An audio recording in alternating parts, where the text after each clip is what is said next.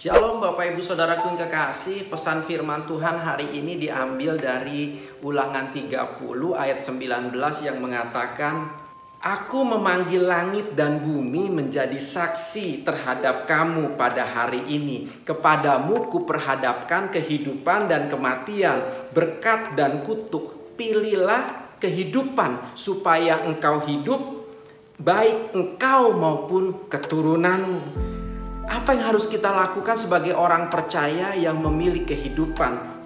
Pertama, berhentilah untuk memperkatakan yang buruk. Firman Tuhan katakan, hidup dan mati dikuasai lidah. Siapa suka menggemakannya akan memakan buahnya. Mungkin kita tidak memperkatakan hal buruk langsung dari suara mulut kita, tetapi bukankah hari-hari ini sering kita kirim chat buruk, hal-hal buruk, perkara-perkara buruk yang kita bagikan kepada WA WA grup-grup WA IG, Twitter kita, apa pun namanya, kita bagikan hal-hal buruk, hal-hal yang menakutkan orang lain, bahkan sering kali sampai menakutkan diri kita sendiri. Berita-berita yang membawa kepada kematian, bukan kepada kehidupan. Yesus datang bawa damai, bawa kehidupan, bawa sukacita, bawa keselamatan. Demikian kita orang percaya yang memilih kehidupan untuk tidak memperkatakan hal-hal yang buruk. Lebih baik kita katakan hari ke sehari yang sembuh semakin banyak sehingga yang sehat menjadi semakin banyak. Maka yang sembuh pun akan semakin banyak, yang sehat semakin banyak. Apa yang kita perkatakan itu pun terjadi dalam nama Tuhan Yesus. Yang kedua, sebagai orang yang percaya, yang memilih kehidupan, apa yang harus kita lakukan? Tetap tinggal di rumah, diam di rumah. Bagi Bapak Ibu Saudaraku yang kekasih, yang tidak usah bekerja harian atau ada sesuatu yang sangat amat penting, mari tetap tinggal di rumah. Orang yang memilih tetap tinggal di rumah adalah orang-orang yang memilih kehidupan. Orang yang tinggal di rumah, dia membawa kehidupan bagi banyak orang. Orang yang tetap tinggal di rumah hari-hari ini, dia membawa kehidupan bagi orang-orang yang dia cintai. Orang yang tinggal di rumah hari-hari ini, dia membawa kehidupan bagi dirinya sendiri yang mahal yang sudah ditebus oleh kuasa darah Yesus yang harus dipertanggungjawabkan di hari terakhir nanti. Tetaplah tinggal di rumah Bapak Ibu. Sampai kapan kita tinggal di rumah? Sudah mulai bosan? Tetap semangat Bapak Ibu Sampai pemerintah mengizinkan kita untuk bisa beraktivitas di luar Bisa bekerja di luar lagi, bisa kembali ke sekolah lagi belajar Bisa kembali ke gereja untuk beribadah Bisa melakukan banyak hal di luar sana Tetaplah tinggal di rumah hari-hari ini Karena kita orang percaya yang memilih kehidupan. Yang ketiga, apa yang harus kita lakukan sebagai orang percaya yang memilih kehidupan? Jagai hati kita, Bapak Ibu. Firman Tuhan Amsal 4 ayat 23 katakan, "Jagalah hatimu dengan segala kewaspadaan, karena dari situlah akan terpancar kehidupan." Dari situ dari mana? Dari orang yang menjaga hatinya akan terpancar kehidupan. Jaga hati kita. Tidak ada sesuatu apa pun di muka bumi ini yang melebihi kebesaran dari Tuhan kita, Yesus Kristus. Tetap percayai, Yesus sanggup melakukan segala perkara. Dia tetap pegang kendali Bapak Ibu. Apa pun yang terjadi hari-hari ini, Yesus tetap pegang kendali atas kehidupan kita. Tetap semangat, tetap percaya, tetap bersuka cita, tetaplah mengucap syukur. Tetaplah tinggal di rumah. Tuhan Yesus memberkati Bapak Ibu Saudara semuanya.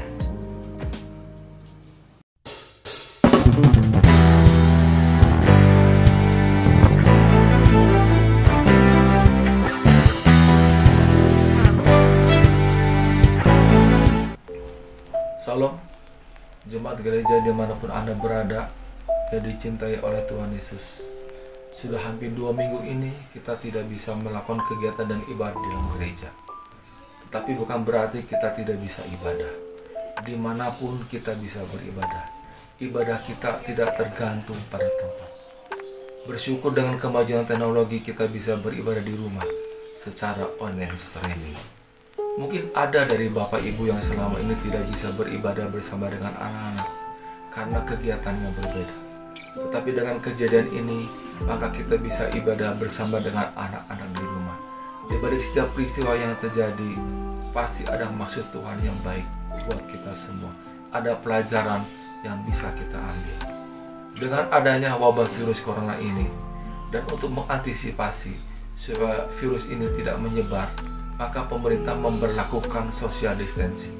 Ini berarti setiap orang dianjurkan untuk tidak keluar rumah jika tidak penting. Biarlah keadaan ini kita manfaatkan untuk berkumpul dengan keluarga, membangun kembali keintiman dengan istri, suami, dan anak-anak. Kita hidup di akhir zaman, berarti kedatangan Tuhan sudah semakin dekat. Alkitab berkata dalam Malaki 4 ayat 5 dan 6, menjelang kedatangan Tuhan, maka Tuhan akan membuat hati bapak-bapak berbalik kepada anak-anaknya dan hati anak-anak kepada bapak-bapaknya supaya jangan aku datang memukul bumi sehingga musnah. Ayat ini bicara tentang pemulihan keluarga.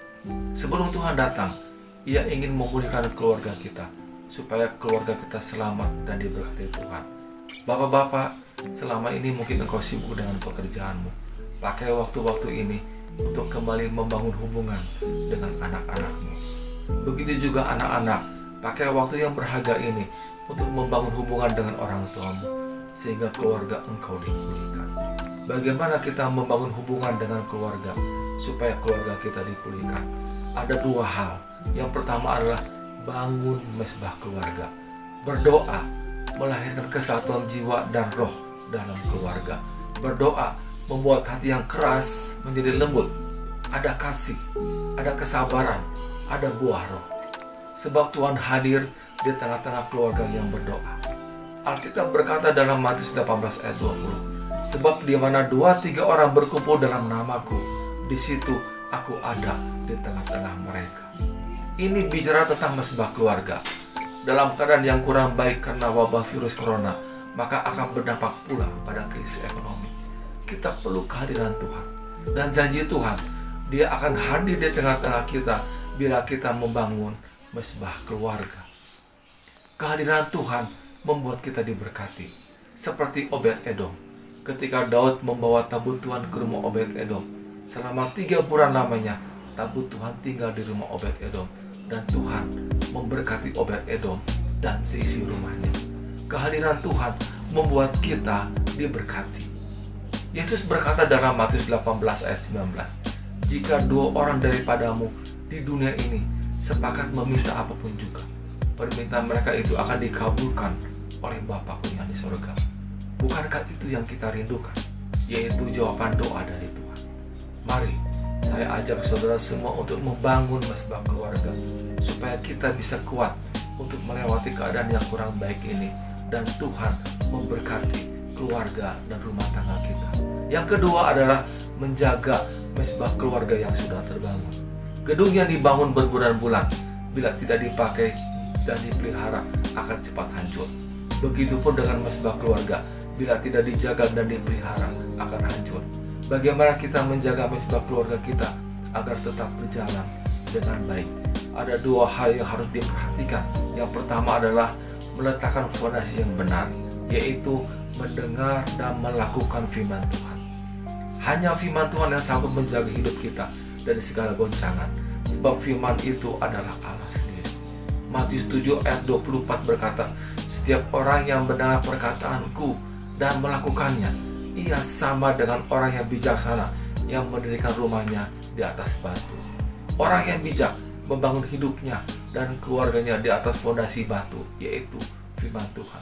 Sehingga ketika badai hidup datang, dia tidak akan hancur karena fondasinya Tuhan sendiri. Tetapi orang yang bodoh membangun hidupnya di atas pasir, sehingga ketika badai hidup datang, hidup orang itu akan hancur. Pasir bicara tentang kekuatan sendiri, bicara tentang teman, bicara tentang harta, tentang jabatan. Semuanya itu tidak bisa menolong hidup kita. Hanya dengan virus corona yang tidak kelihatan, manusia sudah tidak berdaya. Itulah sebabnya kita perlu Yesus. Di tengah-tengah krisis yang terjadi saat ini, pastikan hidup kita ada di atas dasar Tuhan Yesus. Maka hidup kita tidak akan hancur. Mazmur 127 ayat 1 berkata, Jikalau bukan Tuhan yang membangun rumah, sia-sialah usaha orang yang membangunnya. Jikalau bukan Tuhan yang mengawal kota, sia-sialah pengawal berjaga-jaga. Yang kedua, saling menjaga perasaan sebagai anggota keluarga. Penting membangun dan menjaga perasaan setiap anggota keluarga agar bisa berdoa. Jika hati sedang kesal atau marah, maka kita tidak mungkin bisa berdoa. Itulah sebabnya kita harus menguasai diri supaya tidak kesal atau tidak marah, supaya kita bisa berdoa. 1 Petrus 4 ayat 7 berkata, kesudahan segala sesuatu sudah dekat. Karena itu kuasailah dirimu dan jadilah tenang supaya kamu dapat berdoa. Iblis bisa memakai siapa saja, termasuk orang dekat kita, untuk membuat kita marah atau kesal. Tujuannya supaya kita tidak berdoa, supaya mesbah doa kita hancur. Iblis tahu doa adalah senjata rohani paling ampuh untuk mengalahkan dia. Bagaimana menjaga perasaan anggota keluarga? Saling memaafkan satu dengan, dengan yang lainnya. Lakukan perintah Tuhan. Istri tunduk kepada suami, suami kasihlah istrimu, anak-anak taatilah orang tuamu, hormati ayahmu dan ibumu. Itu adalah suatu perintah yang penting. Bapak-bapak, janganlah sakit hati anakmu supaya jangan tawar hati. Akhirnya, di dalam keadaan kondisi yang tidak baik ini, tidak ada pilihan lain bagi kita selain membangun mesbah doa di dalam keluarga kita. Melalui mesbah keluarga, Tuhan bekerja dan memimpin rumah tangga kita, sehingga keluarga rumah tangga kita kuat menghadapi kegoncangan dan berkatnya mengalir bagi setiap kita yang setia mencarinya. Tuhan Yesus memberkati kita semua.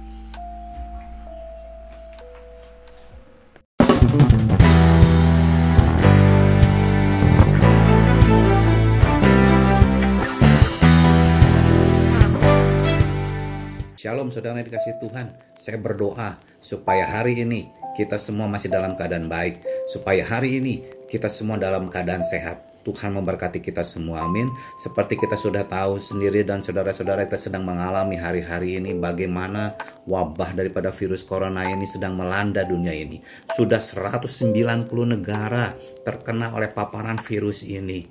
Nah saudara siang hari ini saya mau berbagi bagaimana supaya kita bisa bertahan di dalam menghadapi wabah virus corona yang hari-hari ini sedang melanda kita, sedang ada di sekitar kita.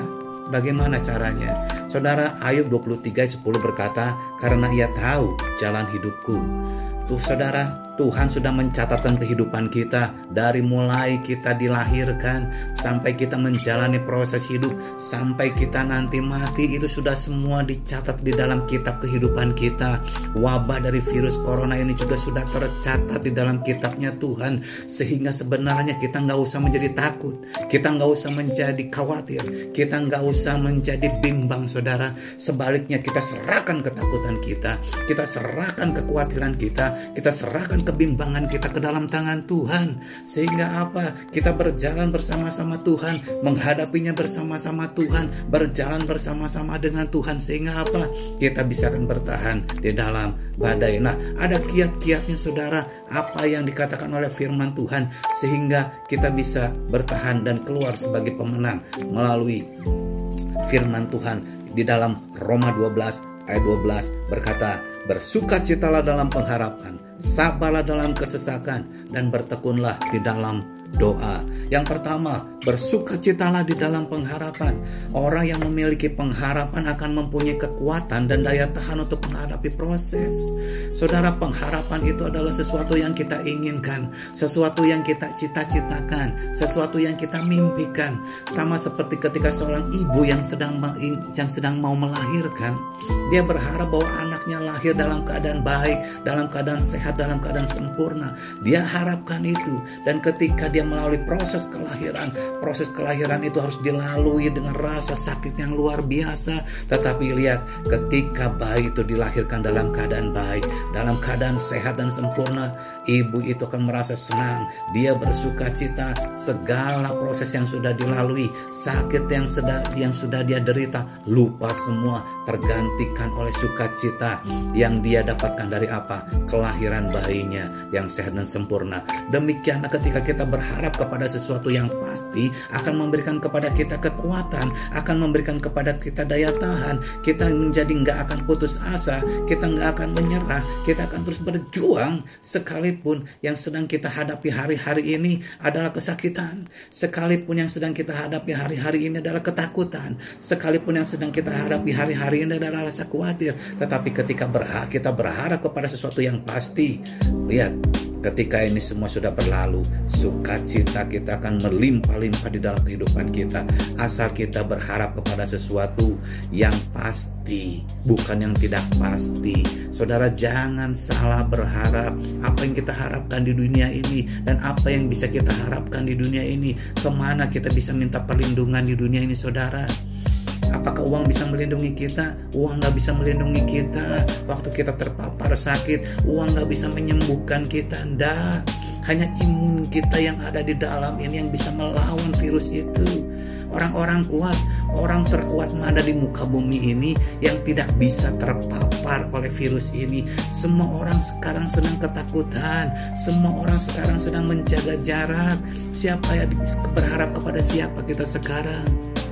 Kepada polisi, kepada dokter, kepada tentara, kepada pejabat, kepada presiden. Mereka semua sedang sibuk hari-hari ini. Mereka semua sedang kewalahan hari-hari ini, bertugas di bidang mereka masing-masing. Mereka pun rentan terpapar oleh virus ini. Tercatat sudah banyak dokter dan perawat yang meninggal oleh virus ini. Tercatat sudah ada beberapa pejabat yang meninggal oleh virus ini, saudara. Siapa yang kebal? Nggak ada. Oleh karena itu, satu-satunya yang kebal terhadap virus ini adalah Tuhan Yesus. Dia tidak terjamah oleh virus itu dan dia ada di dalam kehidupan kita. Maka berharaplah hanya kepada Tuhan. Tuhan yang ada di dalam hidup kita lebih besar kuasanya dari segala kuasa yang ada di muka bumi ini. Oleh karena itu saudara, tetaplah bersuka cita di dalam pengharapan dan berharap kepada Yesus yang akan mengeluarkan kita dari badai wabah virus corona ini. Amin. Yang kedua, sabarlah dalam kesesakan. Hari-hari ini saya juga merasakan begitu sesak tinggal terus di rumah, mengisolasi diri, nggak ke mana-mana. Memang udah kesel di rumah terus. Tetapi apa yang harus kita kerjakan? Apa boleh buat? Tinggal di rumah aja udah. Kita nggak tahu di luaran sana siapa-siapa yang sudah terpapar siapa-siapa yang sudah ODP, siapa-siapa yang sudah PDP kita nggak tahu. Ada sebuah cerita seseorang menyewakan rumahnya, menyewakan tempatnya, yang punya rumahnya sehat, tetapi penyewanya sudah terpapar virus, tapi nggak ada gejala, nggak kelihatan. Selesai sewa keluar dibersihin ruangannya, tahunya ada virus di situ. Yang nyewanya udah keluar, yang punya rumahnya mati terpapar virus. Saudara, kalau kita mau memaksakan diri karena kita nggak sabar, udah keluar aja, main aja sama teman kita lagi. Emang kita tahu teman kita nggak terpapar. Makanya saudara, sabar aja udah sabar di rumah aja. Kumpul sama istri sama anak-anak. Kita harus tahu sebagai orang yang memiliki kesabaran, kesabaran pasti akan membuahkan hasil kita percaya di dalam nama Yesus bahwa wabah ini akan segera berlalu. Wabah ini akan segera berakhir dalam nama Tuhan Yesus yang percaya katakan amin. Sabar dalam kesesakan akan memperoleh hasil yang maksimal. Yang ketiga yang harus kita lakukan adalah bertekunlah di dalam doa. Orang yang berdoa percaya bahwa Tuhan itu ada dan mendengar doa. Yang percaya katakan amin, Tuhan ada. Dia mendengar setiap doa-doa kita. Dan orang yang berdoa tahu bahwa apa yang didoakannya tidaklah sia-sia. Dan orang yang berdoa percaya bahwa ada kuasa di dalam doa. Saudara percaya Hari-hari ini Tuhan sedang bekerja, Dia sedang menjamah, sedang memberikan kesembuhan, sedang memberikan penghiburan, sedang memberikan kekuatan kepada mereka-mereka yang sedang sakit. Saudara dengar kesaksian-kesaksian mereka yang sudah disembuhkan. Mereka katakan puji Tuhan, Tuhan sudah menyembuhkan dia, Tuhan sudah menjamah dia. Itu karena apa? Itu karena ada kita-kita yang berdoa. Oleh karena itu saudara, jangan pernah berhenti berdoa untuk mereka yang sedang sakit dan berjuang untuk sembuh. Jangan pernah berhenti berdoa untuk mereka yang sudah statusnya ODP, yang sudah statusnya PDP. Jangan pernah berhenti berdoa buat mereka agar mereka diberikan penghiburan, agar mereka diberikan sukacita di dalam kehidupannya dan mereka memiliki imun yang kuat dan dengan imun yang kuat itu mereka boleh mengalahkan virus yang ada di dalam dalam tubuhnya itu. Jangan pernah berhenti berdoa untuk para medis, para medis dan dokter-dokter yang merawat mereka. Berdoakan mereka supaya sekalipun mereka bersentuhan langsung dengan pasien virus corona ini, kita berdoa perlindungan Tuhan nyata atas mereka dan mereka tidak tertular oleh virus corona ini. Amin. Doakan mereka saudara-saudara karena hari-hari ini Tuhan sedang bekerja. Dan kita harus terus beriman berkata, Semakin hari akan semakin banyak orang yang disembuhkan dan semakin hari akan semakin banyak orang yang disembuhkan, dipulihkan dan semakin hari akan semakin sedikit orang yang sakit. Itu kita imani, itu kita katakan setiap hari di dalam nama Tuhan Yesus Kristus. Amin. Ada kuasa di dalam doa. Ketika kita bersepakat bersama-sama, semakin hari akan semakin banyak yang sembuh, semakin hari akan semakin sedikit yang sakit. Percaya itu akan terjadi karena kita sepakat. Dua orang sepakat di dunia ini, apa pun yang diminta akan dikabulkan oleh Tuhan. Saudara, inilah waktunya. Mari kita bangun mesbah keluarga, saudara. Ini kesempatan yang biasanya suami istri kerjanya beda kantor. Hari-hari ini kesempatan bertemu terus di rumah.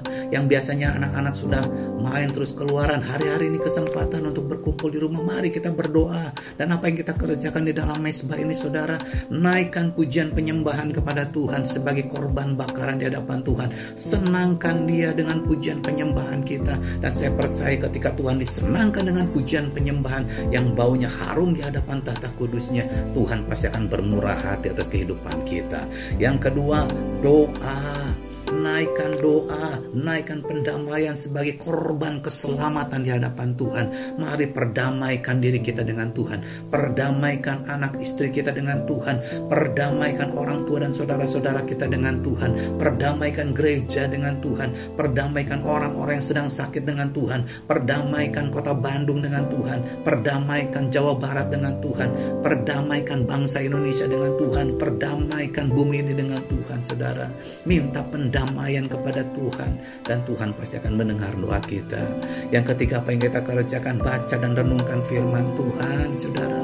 Renungkan firman Tuhan, baca firman Tuhan karena firman Tuhan mengandung banyak janji. Waktu kita baca firman Tuhan dan dia berkata sesuatu kepada kita, itulah harapan kita.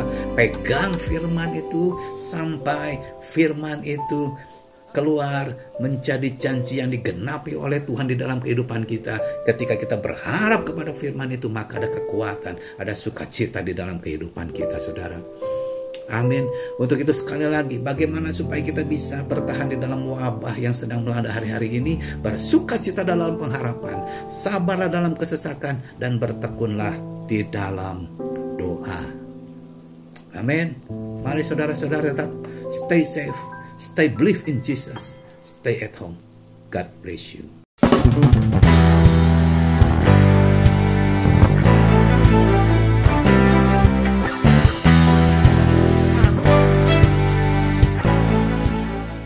Bapak, Ibu, Saudara yang dikasihi Tuhan, firman Tuhan hari ini kita ambil dari Lukas 8, 49 sampai 50. Yang berkata seperti ini, Ketika Yesus masih berbicara, datanglah seorang dari keluarga kepala rumah ibadat itu dan berkata, "Anakmu sudah mati, jangan lagi engkau menyusah-nyusahkan guru." Tetapi Yesus mendengarnya dan berkata kepada Yairus, "Jangan takut, percaya saja, dan anakmu akan selamat." Saudara, kalau kita baca, kita dengar peristiwa ini tentang kepala seorang kepala rumah ibadat yang bernama Yairus yang sedang mengalami masalah persoalan ketika anaknya sakit dan hampir mati. Dia menghampiri Tuhan Yesus. Dia meminta pertolongan kepada Tuhan Yesus. Tetapi di tengah perjalanan menerima kabar, menerima berita dan berita yang disampaikan bukan dari orang lain, bukan dari sembarang orang, tetapi dari saudara atau dari keluarganya Yairus sendiri. dan dikatakan anakmu sudah mati, jangan engkau menyusahkan guru lagi. Saudara, sepertinya harapannya sudah hilang, tidak ada lagi. Putus harapan, tidak ada yang perlu diperjuangkan lagi. Sedangkan Yairus sedang berjalan bersama dengan Tuhan Yesus. Tetapi terputus, ter, tertahan dengan seorang wanita yang sudah 12 tahun menderita pendarahan, menjamah Tuhan Yesus dan dia mendapatkan kesembuhan. Saudara, Ketika kita membaca firman ini, saudara pun mengerti bahwa ada sesuatu yang terjadi di dalam diri Yairus ketika mendengar berita yang tidak menyenangkan buat dirinya sendiri. Tetapi Tuhan Yesus saat itu pun mendengar. Ketika Tuhan Yesus mendengar itu, apa yang Tuhan Yesus katakan, jangan takut, percaya saja. Mungkin hari-hari ini pun saudara dan saya banyak mendengar berita apakah berita itu baik atau tidak baik. Berita itu benar atau tidak benar. Berita dari sumber yang diyakini atau tidak diyakini. Tetapi seperti yang Tuhan Yesus katakan, jangan takut, percaya saja. Kenapa kita tidak boleh takut, saudara? Karena di 2 Timotius 1 ayat 7 dikatakan, sebab Allah memberikan kepada kita bukan roh ketakutan, melainkan roh yang membangkitkan kekuatan, kasih, dan ketertiban. Saya baca di terjemahan lain, sebab roh yang Allah berikan kepada kita bukanlah roh yang membuat kita menjadi penakut. Kalau saudara dan saya mendengar berita yang sekarang sedang terjadi, kita sudah memiliki roh yang untuk kita menjadi bukan penakut, seorang penakut. Sebaliknya roh Allah itu membuat kita menjadi kuat. Kuatlah senantiasa. Kuatlah senantiasa di dalam roh Tuhan yang ada pada kita. Yang penuh dengan kasih dan dapat menahan diri. Seperti yang kita alami saat-saat ini, kita diharuskan menahan diri, melakukan mengurangi banyak kegiatan, social distancing, biarlah kita juga bisa menahan diri supaya kita juga mengikuti aturan yang pemerintah lakukan. Dia 1 Yohanes 4 ayat 18 dikatakan di dalam kasih tidak ada ketakutan.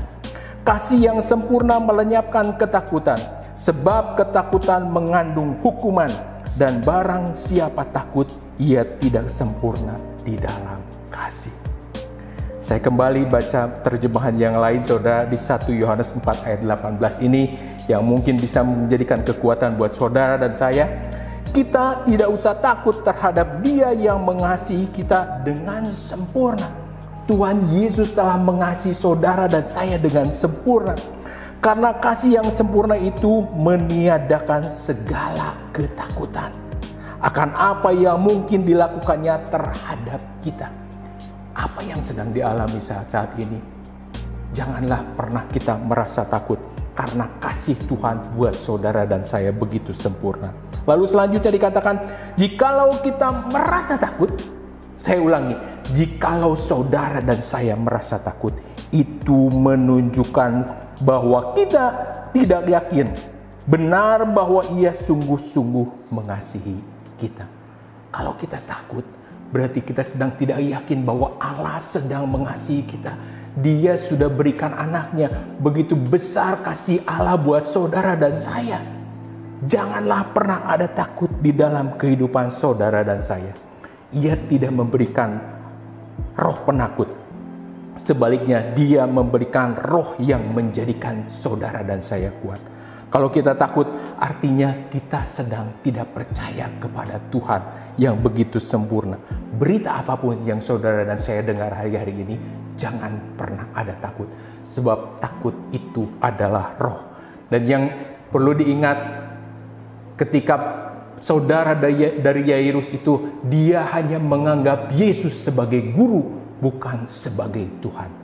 Jadikan Tuhan Yesus sebagai Tuhan dan ingat senantiasa perkataan ini, jangan takut, percaya saja. Sekali lagi saya katakan, jangan takut, percaya saja.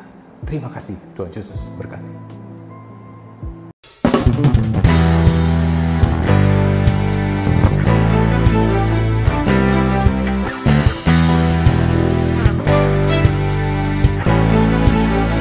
Shalom saudaraku yang terkasih dalam Kristus. Kita jumpa lagi dalam renungan harian GBPPL dan hari ini saya berdoa bagi kita semua kita selalu dalam perlindungan Tuhan yang sempurna.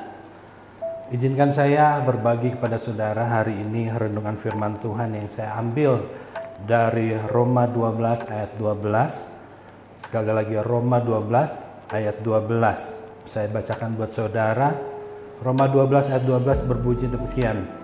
Bersukacitalah dalam pengharapan, sabarlah dalam kesesakan, dan bertekunlah di dalam doa. Bapak Ibu Saudara, hari ini kita merenungkan tiga poin firman Tuhan. Yang pertama, bersukacita dalam pengharapan. Mari kita bahas satu persatu. Kata bersukacitalah dalam bahasa Inggris ditulis dengan rejoicing dan dari bahasa aslinya diambil dari kata Kairo. Kairo itu paling tidak ada empat arti saudaraku. Yang pertama bersuka cita, yang kedua bergembira, yang ketiga bersemangat dan bergairah di dalam Tuhan. Jadi saat ini di mana pun saudara berada, saat saudara dan saya mempunyai keinginan, mempunyai kehendak, mempunyai uh, harapan kepada Tuhan, kita taruh harapan itu dengan penuh sukacita di hadapan Tuhan. Kita sampaikan keinginan-keinginan kita kepada Tuhan dengan hati yang bergembira. Kita nyatakan kehendak kita kepada Tuhan dengan tetap bergairah walaupun situasi memang kurang mendukung hari-hari ini. Bapak Ibu Saudara, tentu saja kita tahu harapan seluruh umat manusia di seluruh dunia hari-hari ini adalah yang pertama yang terutama adalah bahwa virus corona ini segera berlalu di dalam kehidupan kita.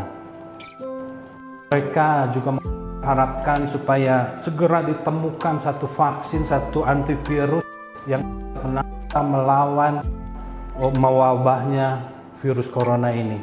Nah, mereka juga mengharapkan tersedianya segala kebutuhan karena di mana-mana terjadi lockdown, di mana-mana terjadi kekurangan, di mana-mana terjadi orang sulit sekali untuk mendapatkan kebutuhan pokok mereka. Saya tidak tahu harapan apa yang ada di dalam diri saudara. Saya tidak tahu yang menjadi keinginan uh, saudara dan saya hari-hari ini. Nah, tapi apa pun yang kita inginkan, apa pun yang kita harapkan, apa pun yang kita kehendaki di hadapan Tuhan, Firman Tuhan hari ini mengatakan, "Mari peganglah harapan kita di hadapan Tuhan dengan penuh semangat, dengan penuh sukacita, dengan gembira di hadapan Tuhan." Nah, kenapa saya katakan demikian? Bapak Ibu Saudara, firman Tuhan di dalam Habakuk, Habakuk pun mempunyai harapan yang besar kepada Tuhan. Karena pada saat dia hidup, bangsa Israel mengalami satu kelaparan, mengalami satu kekurangan, mengalami penderitaan yang saya percaya jauh lebih berat dari apa yang kita alami hari ini. Nah, tetapi di dalam Habakuk 3 dikatakan di dalam pengharapannya kepada Tuhan, Habakuk bilang ini, aku akan tetap bersorak-sorak di hadapan Tuhan, beria-ria di dalam Tuhan yang memberi keselamatan kepadaku. Nah, Habakuk pada saat itu mengharap-harapkan hal seperti ini. Apakah harapannya sudah datang? Belum. Sudah terwujud? Belum. Tetapi dia bilang, aku tetap beria-ria, bersorak-sorak di hadapan Tuhan. Satu firman Tuhan, kalau kita tiru apa yang menjadi sikap Habakuk pada waktu itu, firman Tuhan di dalam Mazmur 37 ayat 4 mengatakan, Bergembiralah karena Tuhan. Kata karena di dalam bahasa Inggrisnya delight yourself in the Lord. Artinya apa saudaraku? Bergembiralah di dalam Tuhan. Maka ia akan memberikan kepadamu apa yang diinginkan hatimu. Nah, artinya sambil bersuka cita mari taruh. Sekali lagi mari taruh harapan kita sambil bergembira di hadapan Tuhan. Mari dengan semangat nyatakan keinginan kita kepada Tuhan. Mari dengan bergembira kita nyatakan keinginan-keinginan dan kehendak kita di dalam doa kepada Tuhan. Maka Tuhan sendiri akan mewujudkan Tuhan sendiri akan mengabulkan, Tuhan sendiri firman Tuhan berjanji akan memberikan kepadamu apa yang diinginkan hatimu. Itu yang pertama, saudaraku. Nasihat yang kedua yang firman Tuhan nasihatkan kepada kita hari ini bersabarlah dalam kesesakan. Apa arti bersabarlah? Bersabarlah diambil dari kata hupomeno. Hupomeno mempunyai dua arti. Yang pertama bertahan, yang kedua jalani dengan berani dan tenang. Nah, kesesakan sendiri berarti, eh, diambil dari kata klipsis. Klipsis ini artinya saudaraku tekanan, kesulitan atau kesusahan, penderitaan atau kesencaran dan kesedihan atau kedukaan itu arti klipsis. Jadi ketika firman Tuhan mengatakan sabarlah dalam kesesakan artinya yang pertama bertahan. Bertahan artinya saudara itu tidak menyerah tidak menyerah terhadap tekanan yang ada, tidak menyerah terhadap kesulitan, kesusahan yang kita alami, tidak menyerah, tidak menyerah di dalam kesengsaraan dan penderitaan, tidak menyerah walaupun saudara mengalami kesedihan dan kedukaan. Mengapa kita harus bertahan? Karena janji firman Tuhan mengatakan segala perkara dapat kutanggung di dalam dia yang memberikan kekuatan. Jadi bersabarlah, bertahanlah, jangan menyerah. Perkatakan saudaraku, segala tekanan dapat kutanggung di dalam dia yang memberikan kekuatan kepadaku. Atau saudara bisa katakan segala kesulitan, segala kesusahan, segala penderitaan, segala kesengsaraan, segala kesedihan dapat kutanggung di dalam dia yang memberikan kekuatan kepadaku. Sabarlah dalam kesesakan yang kedua artinya juga kita jalani dengan berani dan tenang. Nah, kenapa ini dikatakan begini? Tuhan memberikan kepada kita bukan roh ketakutan, bukan roh perbudakan yang membuat kita takut, tapi Tuhan memberikan kepada kita tentu saja roh kemerdekaan yang membuat kita berani. Oleh karena itu, orang percaya harusnya mempunyai keberanian. Untuk apa? Untuk hadapi tekanan, untuk jalani uh, kesulitan, jalani penderitaan yang diizinkan Tuhan terjadi dalam kehidupan kita. Nah, firman Tuhan juga mengatakan dalam tinggal tenang dan percaya terletak kekuatanmu. Artinya, di dalam ketenangan kita dapat berpikir dengan jernih tentang apa yang harus kita lakukan. Di dalam ketenangan kita dapat berdoa dan bersekutu dengan Tuhan. Dan saudaraku ketika kita bersekutu dengan Tuhan, artinya Tuhan ada di pihak kita. Dan firman Tuhan katakan, ketika Tuhan ada di pihak kita, siapa yang jadi lawan kita? Tidak ada. Ketika Tuhan di pihak kita, semua tekanan, semua penderitaan, semua kesengsaraan, semua kesedihan itu dapat kita atasi, saudaraku. Karena Tuhan sendiri yang memberikan kita kemenangan. Nah, dulu Habakuk mengalami klipsis, mengalami kesulitan, mengalami tekanan. Dia bilang pohon ara tidak berbunga, pohon anggur tidak berbuah, pohon zaitun hasilnya mengecewakan, kambing domba terhalau dari kurungan dan tidak ada lembu sapi di kandang. Hari-hari ini kita pun mengalami klipsis. Dan saudaraku mungkin hasil warung saudara tidak maksimal. Toko yang kita buka hasilnya juga mengecewakan usaha kita di sana sini berhenti. Salon saudara mungkin tidak mendapatkan pengunjung hari-hari ini atau ojek online, Grab yang kita jalankan juga tidak mendapat penumpang. Tetapi percayalah ketika kita jalankan dengan sungguh-sungguh dengan tetap bersabar, dengan menjalaninya dengan dengan tenang dan berani, percayalah Tuhan sendiri akan bekerja bagi kita. Baik saudaraku yang ketiga, yang firman Tuhan katakan bertekunlah di dalam doa. Kata ber, bertekunlah berarti secara kontinu kita terus menerus tidak lelah kita terus berdoa. Kenapa? Karena firman Tuhan di dalam satu ayat yang paling pendek di dalam Alkitab, tetaplah berdoa. Dan firman Tuhan yang lain menyatakan, nyatakanlah segala hal keinginanmu kepada Allah dalam doa dan ucapan syukur. Jadi berdoa di dalam pengharapan saudara hari ini, di dalam kesulitan yang kita hadapi hari-hari ini terus berdoa kepada Tuhan.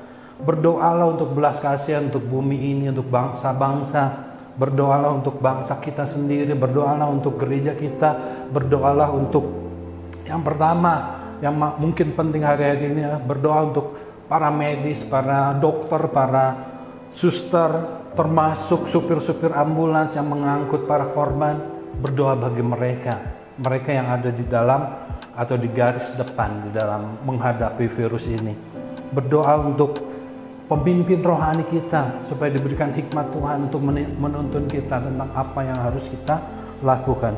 Mari saudaraku, di dalam hari-hari ini ketika kita di dalam momen atau di dalam saat kita mengisolasi diri ada banyak waktu bagi kita untuk dapat berdoa. Mari doakan. Jadi sekali lagi, saudaraku, tetaplah bersuka cita di dalam Tuhan, bersabarlah di dalam kesesakan dan tekunlah di dalam doa mari renungkan uh, firman Tuhan hari ini yang saya percaya dapat memberkati kita semua. Tuhan Yesus memberkati saudara. Shalom.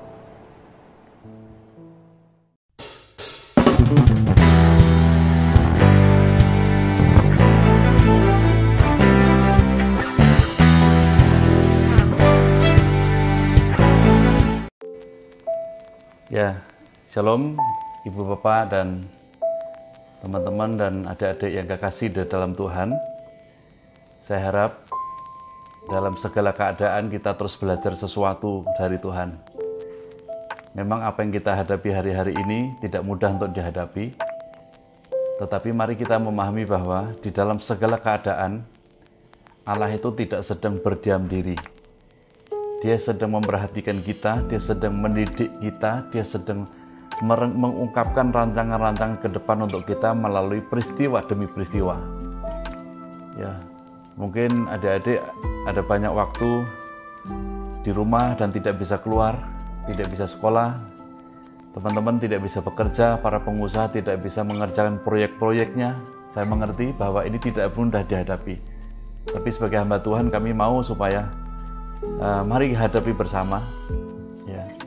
Lalu di tengah-tengah segala kesulitan yang ada ini, mari kita lihat di mana, di mana letak kebaikan Tuhan. Sebab di dalam semua keadaan, Allah kita tidak pernah berubah dulu hari ini sampai selama-lamanya adalah Allah yang baik.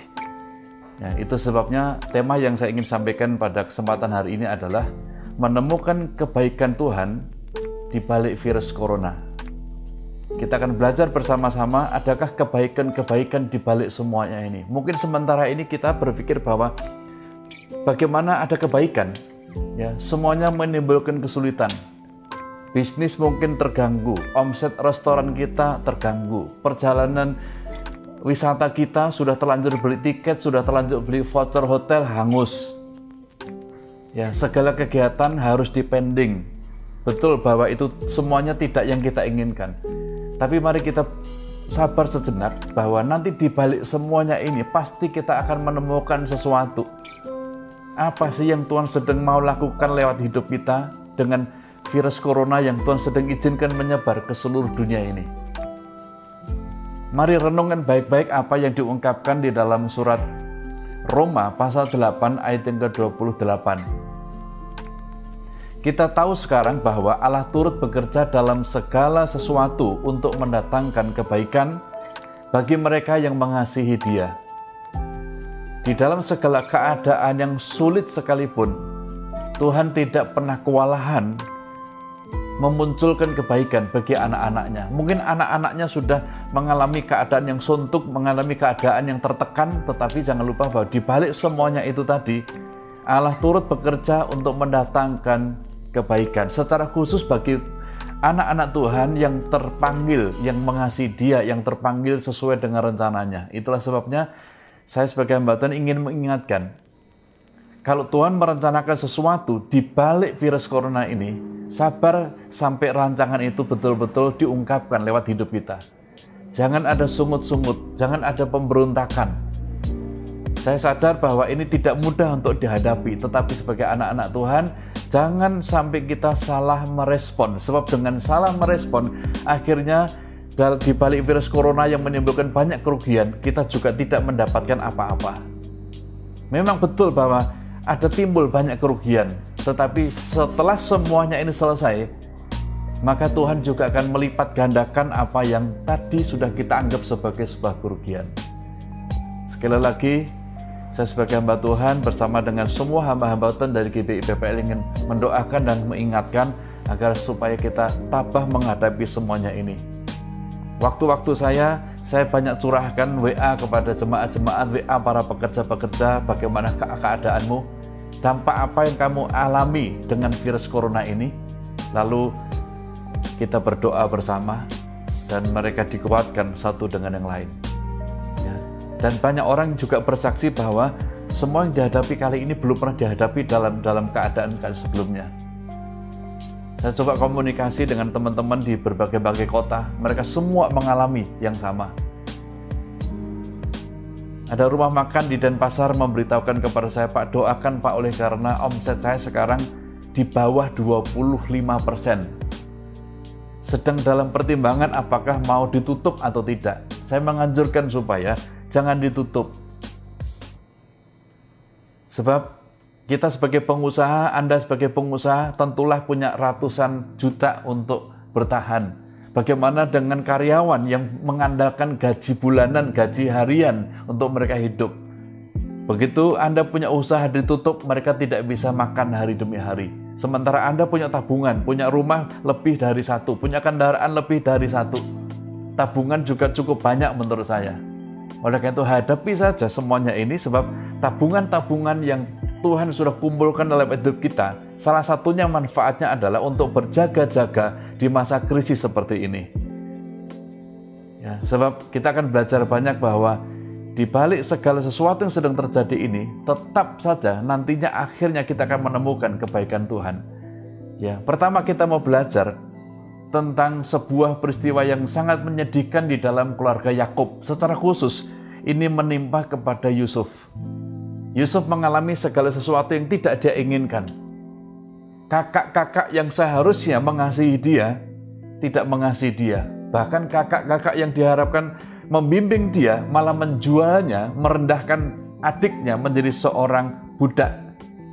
Dan akhirnya menjadi budak di Mesir. Tetapi mari kita lihat perhatikan bahwa memang kakak-kakaknya telah mereka-reking jahat terhadap Yusuf. Tetapi Allah telah mereka-rekannya untuk kebaikan dengan maksud melakukan seperti yang sekarang ini. Artinya begini, bahwa segala kesulitan yang dialami oleh Yusuf ujung-ujungnya Yusuf melihat kebaikan Tuhan. Bahwa Yusuf banyak penderitaan betul, banyak kesulitan betul. Tetapi kebaikan itu luar biasa. Itu sebabnya dalam kejadian 41 dikatakan begini. Selanjutnya Fir'aun berkata kepada Yusuf, dengan ini aku melantik engkau menjadi kuasa atas seluruh tanah Mesir. Jika Yusuf tidak mengalami hal-hal yang yang menyedihkan dalam sepanjang hidupnya, rasanya Yusuf tidak akan sampai ke Mesir. Jika di Mesir dia berkeluh kesah, dia tidak sampai ke istana Firaun dan tidak sampai menduduki jabatan yang setinggi ini. Artinya apa? Bahwa Yusuf betul-betul melihat kebaikan Tuhan di balik segala krisis yang menimpa sepanjang hidupnya. Yang dimulai sejak umur 17 sampai akhirnya umur 30-an tahun, Yusuf mengalami banyak penderitaan. Kurang lebih 13 tahun dia mengalami penderitaan, tapi ujung-ujungnya dia melihat kebaikan Tuhan. Jadi tepat apa yang dikatakan dalam Roma pasal 8 8 tadi bahwa Allah kita itu turut bekerja untuk mendatangkan kebaikan baik kepada Yusuf di kala itu dan kepada kita semua di masa kini. Jadi bapak-bapak dan ibu-ibu yang mungkin hari ini usahanya mengalami kendala. Ya, proyek-proyeknya mungkin terhenti Beberapa orang mungkin membatalkan perjanjiannya dengan kita karena kondisi seperti ini. Itu tidak enak semuanya. Tapi mari kita tekuni saja sampai beberapa saat kemudian, nanti pasti kita akan melihat kebaikan Tuhan di balik semuanya ini. Yang kedua, kita mau belajar kebaikan Tuhan di balik krisis yang menimpa kerajaan Babel. Bagian pertama tadi menimpa Israel dan menimpa Mesir, tapi kali ini menimpa Babel. Seorang raja mendapatkan mimpi dari Tuhan, tetapi orang raja ini tidak tahu arti mimpi itu dan dia memutuskan untuk semua orang bijaksana di negeri Babel akan dibinasakan. Dan satu di antara yang akan ikut dibinasakan adalah Daniel. Teman-temannya Sadra, Mesak, Abednego juga ada di sana. Ini sebuah krisis antara mati hidup yang dihadapi oleh Daniel. Tapi dalam keadaan seperti ini apa yang dilakukan Daniel dan teman-temannya? Mereka mengadakan fellowship. Saya rasa fellowship seperti inilah yang akhir-akhir ini kita alami. Ya, mungkin hari ini kemarin semua kita sedang sedang ikut ibadah secara online dan kita uh, bersekutu dengan keluarga, suami, istri, anak-anak, mungkin ada cucu, ada pembantu di rumah kita seperti inilah yang dibangun oleh Daniel. Manakala ada krisis yang begitu membahayakan nyawanya, Daniel membangun fellowship secara khusus dengan Sadra, Mesak, Abednego. Akhirnya mimpi itu dinyatakan kepada Daniel. Akhirnya Daniel bisa menerjemahkan mimpi itu dan setelah itu lalu raja memuliakan Daniel. Dianugerahinya lah dengan banyak pemberian yang besar dan dibuatnya dia menjadi penguasa atas seluruh wilayah Babel dan menjadi kepala semua orang bijaksana. Kebaikan yang dialami Daniel terjadi di balik krisis yang nyaris mengancam nyawanya. Bahkan atas permintaan Daniel, raja menyerahkan pemerintahan wilayah Babel itu kepada Sadra, Mesak, dan Abednego, sedang Daniel sendiri tinggal di istana raja. Daniel ada di pemerintah pusat, sementara teman-temannya berada di pemerintahan daerah. Ya, semua jabatan yang luar biasa ini diperoleh dengan dengan kesempatan seperti apa? Di tengah-tengah keadaan yang sulit, di tengah-tengah krisis yang nyaris mengancam nyawanya. Tetapi Daniel mentaatinya. Itu sebabnya mari camkan baik-baik apa yang diungkapkan dalam 1 Korintus pasal 10 ayat 13. Pencobaan-pencobaan yang kamu alami ialah pencobaan-pencobaan biasa yang tidak melebihi kekuatan manusia sebab Allah kita setia dan karena ia tidak akan membiarkan kamu dicobai melampaui kekuatanmu. Dan pada waktu kamu dicobai ia akan memberikan kepadamu jalan keluar sehingga kamu dapat menanggungnya. Jadi sekali lagi mungkin kita merasa bahwa kondisi ini berat secara ekonomi berat secara moral. Tetapi saya, saya ingin sampaikan bahwa Tuhan kita tidak sedang tertidur, tidak sedang terlelap. Dia ada bersama dengan kita, dia Immanuel. Dia mengerti bahwa pencobaan yang diizinkan ini, kita pada dasarnya kuat untuk menghadapinya. Pada dasarnya kuat. Hanya mungkin karena kita sering nonton televisi, dapat berita-berita yang yang tidak benar, sehingga kita menjadi lemah. Ya, saya sebagai hamba Tuhan, eh, mungkin saya di antara teman-teman yang mungkin paling sedikit nonton televisi akhir-akhir ini. Di grup-grup WA yang dikirim ya nyaris saya tidak membacanya. Ya. Saya tidak merasa bahwa hidup saya lebih lebih fokus kepada hal tugas-tugas utama, bukan hanya berita-berita burung, apalagi tidak semua berita adalah kebenaran. Jadi mesti kita tabah, ya mari hadapi bersama-sama sampai masing-masing kita nanti melihat kebaikan Tuhan. Ya, kita juga perlu belajar dari Raja Daud manakala dia sedang menghadapi persoalan yang sama yang mirip-mirip dengan kita di zaman sekarang ini. Waktu Raja Daud menjadi seorang raja, Tuhan menghukum bangsanya dengan virus sampar yang identik dengan virus corona. Dan pada pagi sampai sore, artinya sehari, belum sampai 20, 20 eh, belum sampai 12 jam, 70 ribu orang meninggal. Ini berat untuk dihadapi. Tetapi akhirnya Daud mendirikan misbah di sana bagi Tuhan dan mempersembahkan korban bakaran korban keselamatan. Maka Tuhan mengabulkan doa Daud untuk negeri itu dan virus sampar itu berhenti menimpa bangsa Israel. Artinya apa Bapak Ibu yang kita petik hari ini adalah sepanjang hidup manusia ternyata tidak ada orang dalam hidupnya itu yang sepi-sepi terhadap masalah Selalu saja sepanjang hidup manusia kepemimpinan siapa pun ada masalah-masalah yang diizinkan Tuhan yang notabene itu tidak pernah melebihi kekuatan kita. Yang nanti akhirnya semuanya itu bisa mendatangkan kebaikan. Itulah sebabnya doa dan harapan kami sebagai hamba-hamba Tuhan di lingkungan GBI PPL baik Bandung maupun Cirebon. Mari kita bertekun di dalam Tuhan saat kita membangun mesbah di rumah tangga kita masing-masing, ya, mari kita bertekun sedemikian rupa sampai masing-masing kita menemukan kebaikan Tuhan di balik virus corona ini. Kiranya semua kita diberi kekuatan Tuhan dan camkan baik-baik dalam hati kita bahwa pencobaan ini tidak melebihi kekuatan kita. Haleluya. Amin.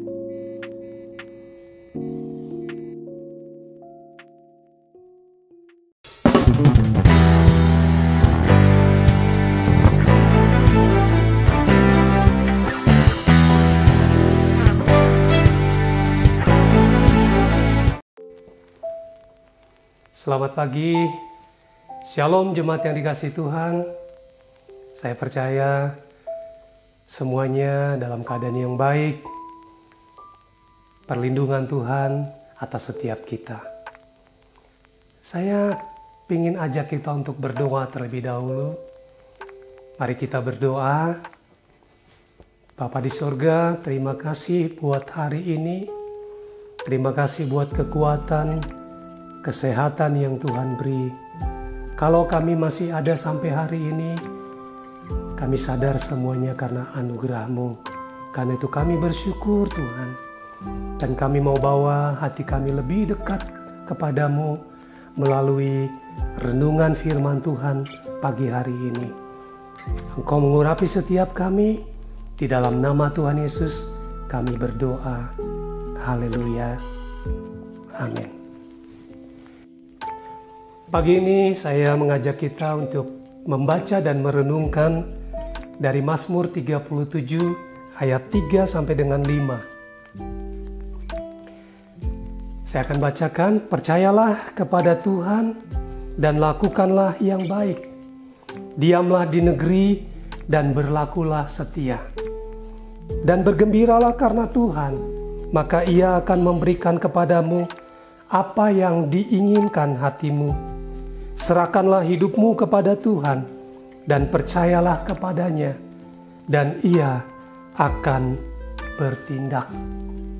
Dikatakan serahkanlah semua kekhawatiranmu, serahkan hidupmu kepada Tuhan, percaya kepadanya dan ia akan bertindak bagi kita semua untuk melewati semua situasi yang kurang menyenangkan ini. Nah, bagaimana caranya supaya Tuhan bisa bertindak di dalam hidup kita? Bagaimana supaya Tuhan bisa menjadi penolong bagi kita? Katakan kita orang percaya hari-hari ini harus percaya penuh sama Tuhan. Orang yang percaya kepada Tuhan akan menyerahkan seluruh kekhawatirannya, seluruh ketakutannya kepada Tuhan. Ketakutan dan kekhawatiran kita tidak akan menambah sehasta dalam perjalanan hidup kita. Jadi, sebagai orang percaya, mari serahkan itu kepada Tuhan. Nah, supaya kita bisa menyerahkan penuh kepada Tuhan, supaya kita bisa percaya penuh kepada Tuhan, maka ada dua hal dari ayat-ayat ini yang menjadi poin bagi kita untuk kita lakukan bersama-sama. Yang pertama dikatakan bergembiralah karena Tuhan. Daud menuliskan di dalam Mazmur 43 ayat 5, "Mengapa engkau tertekan hai jiwaku? Mengapa engkau gelisah hai diriku? Berharaplah kepada Allah." Aku mau bersyukur kepadanya, penolongku dan Allahku. Situasi yang kita hadapi di sekitar kita hari-hari ini membuat jiwa kita tertekan. Ada kegelisahan di dalam diri kita. Supaya kita tidak tertekan, supaya tidak kita tidak gelisah. Maka dikatakan, bersyukurlah kepada Tuhan Orang yang bersyukur kepada Tuhan, maka hatinya akan gembira. Dan orang yang punya hati gembira, itu obat yang manjur bagi kita semua. Mazmur 60, 16 ayat 9 berkata, Sebab itu hatiku bersuka cita dan jiwaku bersorak-sorak. Bahkan tubuhku akan diam dengan tentram. Waktu hati kita bersuka cita, waktu hati kita penuh dengan ucapan syukur, maka jiwa kita akan bersorak-sorak. Bahkan tubuh kita akan tenang. Pikiran hati kita akan tenang. Jadi poin yang pertama, supaya kita bisa percaya penuh kepada Tuhan. Maka kita harus bergembira karena Tuhan. Bagaimana supaya kita bergembira kepada Tuhan? Ucapkan syukur. Daud di dalam Mazmur-Mazmur yang ditulis, ditulisnya di tengah-tengah kesesakan, di tengah-tengah ancaman musuh, ketika dikejar-kejar, kita lihat banyak sekali. Daud menuliskan, "Aku mau bersyukur kepada Tuhan. Aku akan bergembira karena Tuhan, sebab Dia Tuhan, Dia Allahku. Dia punya janji atas hidupku." Yang kedua, supaya kita bisa percaya penuh kepada Tuhan, sehingga Tuhan bisa bertindak bagi setiap kita. Dikatakan, kita harus melakukan yang baik. Percayalah kepada Tuhan dan lakukanlah yang baik. Di tengah-tengah situasi seperti ini, ada banyak orang yang menderita. Saya percaya jemaat Tuhan, khususnya jemaat PPL, semuanya di dalam perlindungan Tuhan. Tidak kekurangan sesuatu yang baik. Penuh limpah kasih dan anugerah dari Tuhan. Nah, ketika Tuhan memberkati kita, maka kita harus tetap berbuat baik dengan memperhatikan orang-orang yang kurang beruntung, mereka yang sulit karena keadaan ini, akibat dampak dari keadaan ini. Di dalam Alkitab ada beberapa orang, ya, perempuan yang di tengah-tengah keadaan sulit, mereka melakukan perbuatan-perbuatan yang baik, dan mereka mengalami kebaikan Tuhan, mengalami pembelaan Tuhan dalam hidup mereka. Perempuan yang pertama itu adalah perempuan Sunam. Dia adalah perempuan, seorang ibu yang baik hati.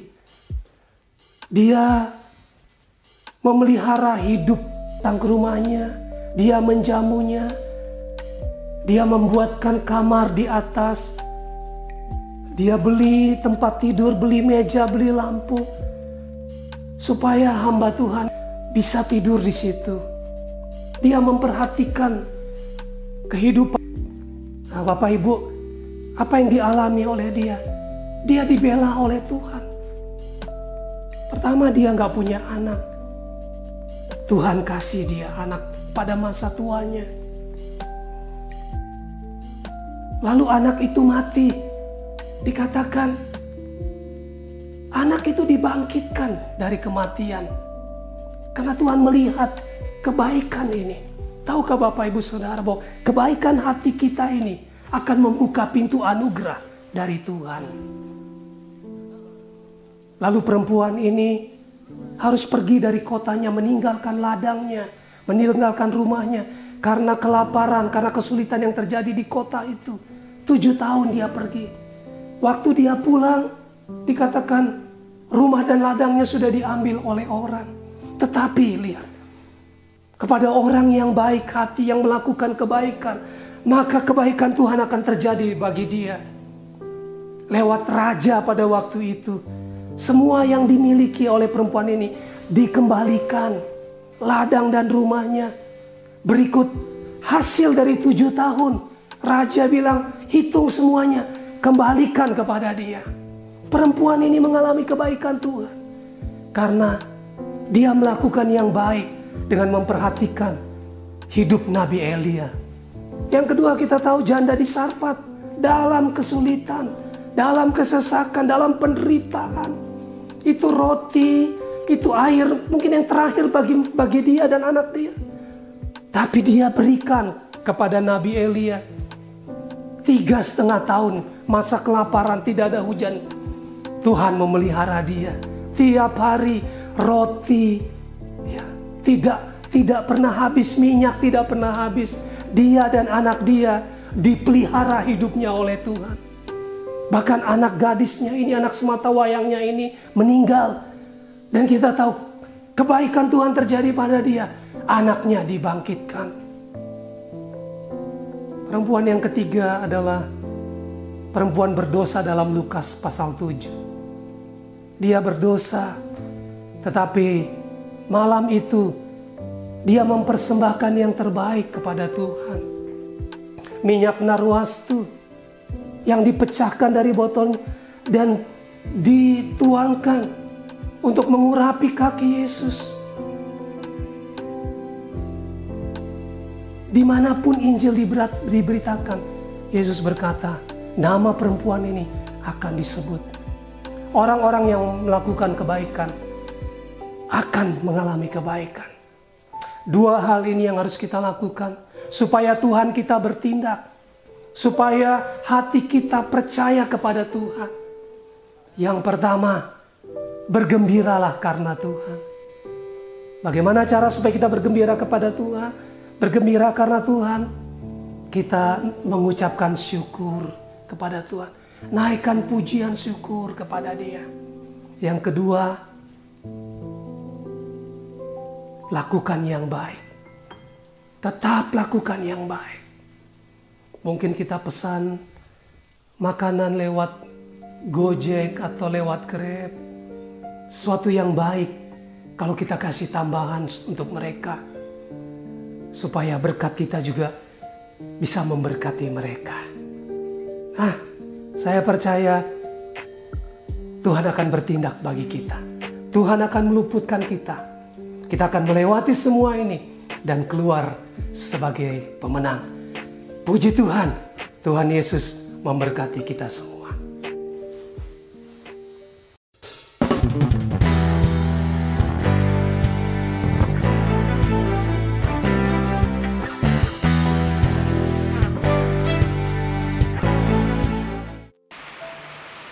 Salam saudara terkasih, di tengah wabah corona yang menyebar ke mana-mana dan menebar ancaman di sana sini, orang percaya perlu mengambil sikap. Pertanyaan ialah, bagaimana cara orang percaya menyikapi situasi yang mengancam seperti sekarang ini? Rumusnya adalah, buang satu, bangkit tiga. Mari kita renungkan bersama-sama firman Tuhan yang terambil dari 2 Timotius 1 ayat 7. Sebab Allah memberikan kepada kita bukan roh ketakutan, melainkan roh yang membangkitkan kekuatan, kasih, dan ketertiban. Apa yang perlu dibuang? Yang perlu dibuang adalah ketakutan. Nats mengatakan dalam ayat 7a, sebab Allah memberikan kepada kita bukan roh ketakutan. Saat kita bertobat, menerima Yesus Kristus sebagai Tuhan dan Juru Selamat, Tuhan mengaruniakan roh kudus dalam diri kita. Roh kudus adalah Allah. Allah tidak pernah takut. Sifat yang sama diwariskan dalam diri orang percaya. Kita tidak boleh takut. Yang perlu kita lakukan sekarang adalah waspada, bukan takut. Mari kita tidak perlu menjalani hidup dengan ketakutan saat corona merebak. Percayakah saudara akan penyertaan Allah? Maka jangan takut. Apa yang perlu bangkit? Nats mengatakan dalam ayat 7b, melainkan roh yang membangkitkan kekuatan, kasih, dan ketertiban. Ada tiga hal yang perlu kita bangkitkan dalam menyikapi suasana yang mengancam. Yang pertama, kekuatan. Sesuai apa yang dikatakan dalam kisah para rasul 1 ayat 8 saat kita menerima Roh Kudus, kita juga menerima kuasa, kekuatan, dinamos. Dari kata inilah muncul istilah dinamit dan dinamo. Kata itulah yang disebut juga dalam ayat 7b. Dalam diri kita ada kekuatan yang luar biasa. Saudara akan kuat menjalani social distancing atau jaga jarak dan aturan pemerintah lainnya. Bahkan punya kekuatan melewati realita hidup yang ada saudara nggak perlu juga takut dan menggerutu karena saudara kuat dan mampu mengatasi situasi. Teruslah tenang dan berdoa. Jadilah kuat. Yang kedua, kasih. Bagaimana membuktikan kasih di tengah situasi yang mengancam ini? Ini dengan memperhatikan keselamatan diri sendiri dan orang-orang terkasih. Kasih tidak egois, kasih tidak menyelakakan, kasih tidak ngeyelan. Saudara keluyuran ke mana-mana, lalu pulang tanpa cuci tangan, memegang pasangan saudara dan anak-anak. Jelas itu bukan kasih, itu egois dan mencelakakan. Tunjukkanlah kasih dan dengan peduli akan kesehatan diri sendiri dan orang sekitar saudara. Selama di rumah, tunjukkanlah kasih mesra, kasih yang manis dan akrab dengan beraktivitas bersama seperti saat teduh bersama, bermain bersama, memasak bersama, berkebun bersama, dan lain sebagainya. Mungkin Tuhan izinkan pandemi corona terjadi supaya kita punya banyak waktu dengan keluarga untuk saling melimpahkan kasih biarlah seisi rumah dikenyangkan oleh kasih yang tercurah secara melimpah. Yang ketiga, ketertiban. Kata lain untuk ketertiban adalah kedisiplinan. Orang yang memiliki roh kudus tidak akan nekat dan melanggar apa yang pemerintah larang, yakni berkumpul bersama dekat secara fisik. Mari kita tertib dan disiplin, sebab itu salah satu ciri orang yang hidup oleh roh. Galatia 5 ayat 23 menyebut bahwa buah roh salah satunya adalah penguasaan diri atau kedisiplinan. Turuti anjuran pemerintah dengan disiplin, menjaga kesehatan dan kebersihan. Ingatlah Nuh dan keluarganya yang harus tinggal di dalam bahtera ratusan hari saat Allah menghukum dunia. Mereka taat dan tertib, mengikuti firman Tuhan. Hashtag di rumah aja adalah cara yang dipakai untuk melindungi saudara dari ancaman Disiplinlah juga dalam mengadakan persekutuan pribadi dengan Tuhan lewat doa dan membaca Alkitab. Jadi, buanglah ketakutan, bangkitkanlah kekuatan, kasih, dan ketertiban. Itu adalah tanda nyata kehadiran Roh Kudus dalam diri seorang percaya dan kehidupannya. Tuhan memberkati kita semua. Amin.